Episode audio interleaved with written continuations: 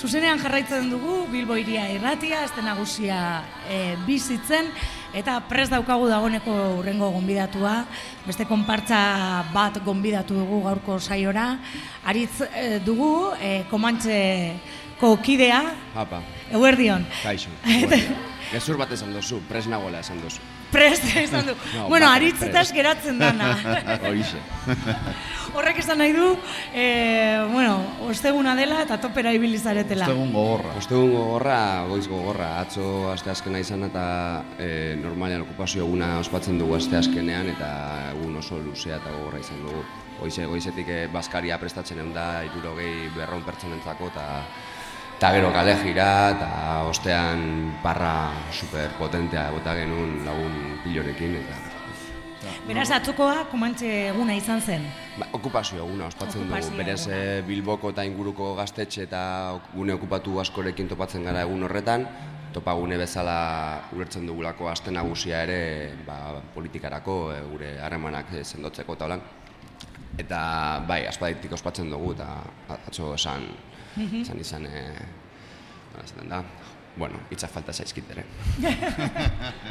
Bueno, aipatu duzu, ez? E, okupazioa du ardatz e, komantzek, ez? Bai, eta autogestioa, batez eta ere, autogestioa, okupazioa, eta horizontaltasuna, eta hori, hitz potolo guzti horiek. Ea, amar urte pasatxo, ja, baditu konpartzak? Amaika ja da. Amaika garrena, ez? Aurre, aurrek urtean izan zen amar garrena, Bai. ez? Mhm. Atzokoan, esan duzu, ba, beste Euskal Herriko beste txoko batzuetako e, bueno, ba, e, lagunak ere batuz e, zirela. Bai. Ba, ba aurten edo azkenengo urteetan Bilbon garatu egin dan adibidez e, gaza, gazte asambleen sareko kide askorekin egon ginean, eta baita ba, e, nondik etorri ziren, e, e, normalean arrasatetik ere etortzen dira, aspaditik daukagu harremana arrasateko gaztetxekoekin, e, kukutzan egon zirenetik, e, hor resistentzian azapaian, eta, eta hori, Azkenean, e, egun baten alpegiak ikusteko asamblea batetik kanpo eta naiz eta gero ematen da oso maiz, eh? gero gaztetxetan ibiltzen garenean e, horre gure kontzertuak egiten edo edo parrak botatzen edo ba, bueno, ikusten gara, ba, aurten ere behar askoa zan. Mhm. Komantzek ere, aurten, e, beste urteetan bezala, asoka izan du egunero, ez? E, e, e, egunean zehar nahi dute esan, e, e, asoka berezia. Hmm, Bai, herri azoka, nolabait eh, Bilboko edo Bilbo inguruko mm, kolektibo edo talde txikien eh, herri azoka da, non bakoitzak talde bakoitzak bere materialak, kamisetak edo incluso ba, adibidez, ta, aurten ez dakit, baina beste urte batzutan ere taupakakoek etortzen ziran, etortzen dira eta euren diskak eh, saltzen dituzte. E, bihurtzen da, e, nolabait, aste nagusian ikusten dugu dagoela parrandanako leku asko, e, kontsumorako leku asko, baina politikarako naiz eta mezu asko egon konpartza guztietan, politikarako eta harreman politikoak sendotzeko espazioak ez daude. Orduan herria azoka horren inguruan, e, gero ez dute zer saltzen, eh? Osea, hor daude egun hartzalde osoan bost ordu ez dute hostiarik Eta gero jende pasau egiten da, eta i- agian behiratu beraz. Baina batez ere... Baina, bueno, hor dago proposamena, Hori da, baina batez ere hor harremanak sendotzeko espazioa da. Zintzoa izan zara. Bai, bai. Hori zait falta. Aritz, okupazioa aipatu duzu eta nik neuk askotan pentsatu izan dut, ezta? Ba, norbaitek halako eraikin bat dauka, nonbait, ba, erabilerarik gabe, bertan bera uzten du, pipiak janda, ratoiz beteta, zikin, loi-loi eginda, eta benetan, ba, desatsegina ere ikusmenerako ere. Gazte batzuk sartzen dira, garbitu egiten dute, erabili egiten dute, bizitasuna ematen diote, Osea, lehenengo azalpena nirea oso negatiboa izan da, bigarrena positiboa, eta orduan badatoz poliziakoak, agintariek esan da, eta osteak ateratzen dituzte gazteak. Ez da kontraesanekoa? Kontraesana, nik ez dut inolako kontraesanik hor ikusten, guda bat dago, gerra baten erdian gaude, kapitalaren eta bizitzaren arteko eh, gudan gaude. Eta guda horretan, kapitalaren eh, jabeak, kapitalaren arduradunek, kapitalaren agintariek, alduten guztia ingo dute euren kapitala babesteko. Eta gaztetxeak da, gaztetxeak edo espazio okupatuak edo e, autonomiaren alde gabiltzan e, kolektibo guztiek gure asmoa da e, guzti, kapital guzti hori birjabetzea eta herriari bueltatzea. Orduan ez dut normal ez dut inolako kontrasanik ikusten e, e, kapitalak bere kapitala defendatzearen e, kontuan. Agian kontra esana ikusi dezakegu diskurtzoan. Nola e, babesten duten diskurtso bat non guztiontzako lekua dagoela, e, demokrazia baten bizi gaudela esaten dutela, e, justizia sistema bat dagoela, baina justizia horrek, justizia horiek eta sistema horrek euren propietateak, euren jabegoak babesteko besterik ez dira. Mm. Bueno, okupazioa, autogestioa, Bilbon e, ze indar metaketa dago? Bilbon, ba... Gurera begira. Gurera begira, nola? E, e, nola dagoen mugimendua? Ah, gure maian, Bilbon. Gure maian. Ah, mugimendua. Ba hori, helen aipatu dut Gaza, Gazta Asamblean sarea, e, urte batzutik ona ari dira, ba, batez ere oso gazteak diran e, okupak, e, gaztetxekideak, e, hor biltzen eta autogestien e, mesua zabaltzen Bilbon zehar, baina e, aipatu behar dugu ere besteranako espazio batzuk ere irekitzen e, ari direla.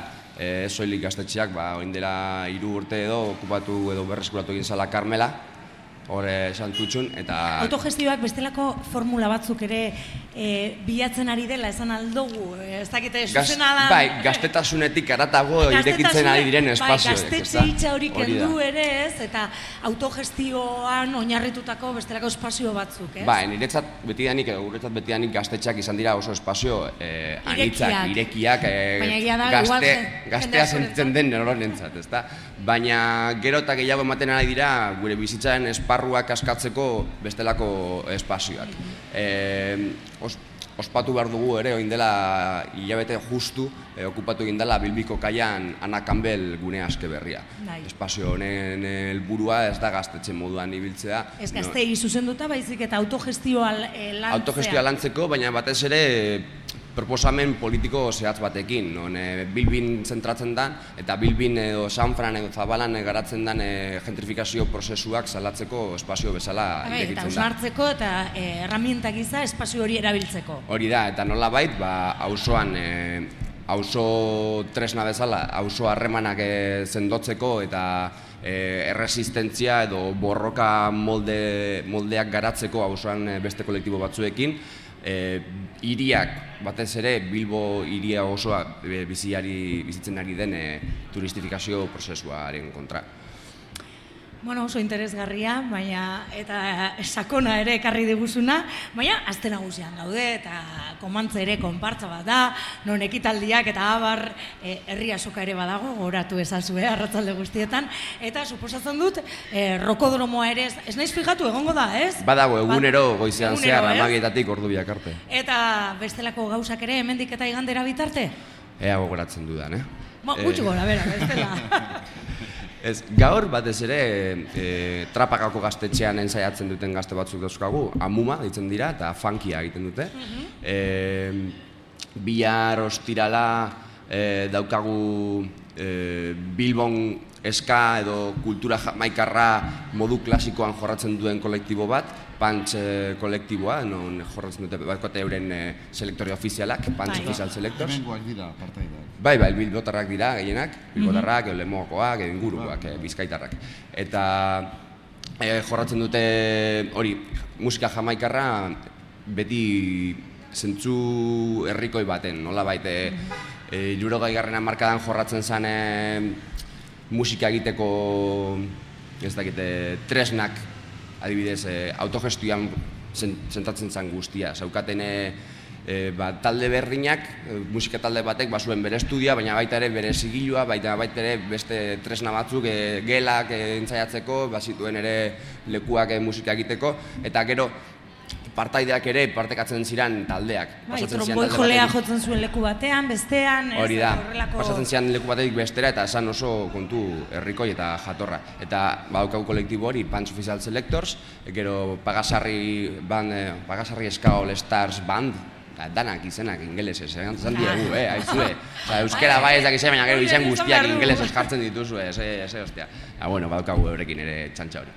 E, eta gero etxeko anaiak e, funkia jorratuko duke eta ingo dute zelkuako espektakula. Bueno, sekulako kontzertua beraz. Ba, bilakoa izango da, beste parranda potolo bat. Bueno, eta gero ja azken txampa geratuko da, azte urua, eta hor bai, ziurrenik Bilbora kanpoko jende asko e, urbilduko da, eta, bueno, aurkituko dute ere, ez? E, Komantxe, San Nikolas buelta hortan, Hori, eskina horretan... E, Elizaren babesean. Eliz, Elizaren babesean. bai, bai, pasan urtean, bai, bueno, ez dut kontatuko txiste hau, ez, ez, ez, ez, ez da irratian kontatzeko. Baritz, eskerrik asko gaur irratira urbildu izanagaitik. Eskerrik asko amaiera ona izan dezazuela. Amaiera izan dezagun. Eskerrik asko.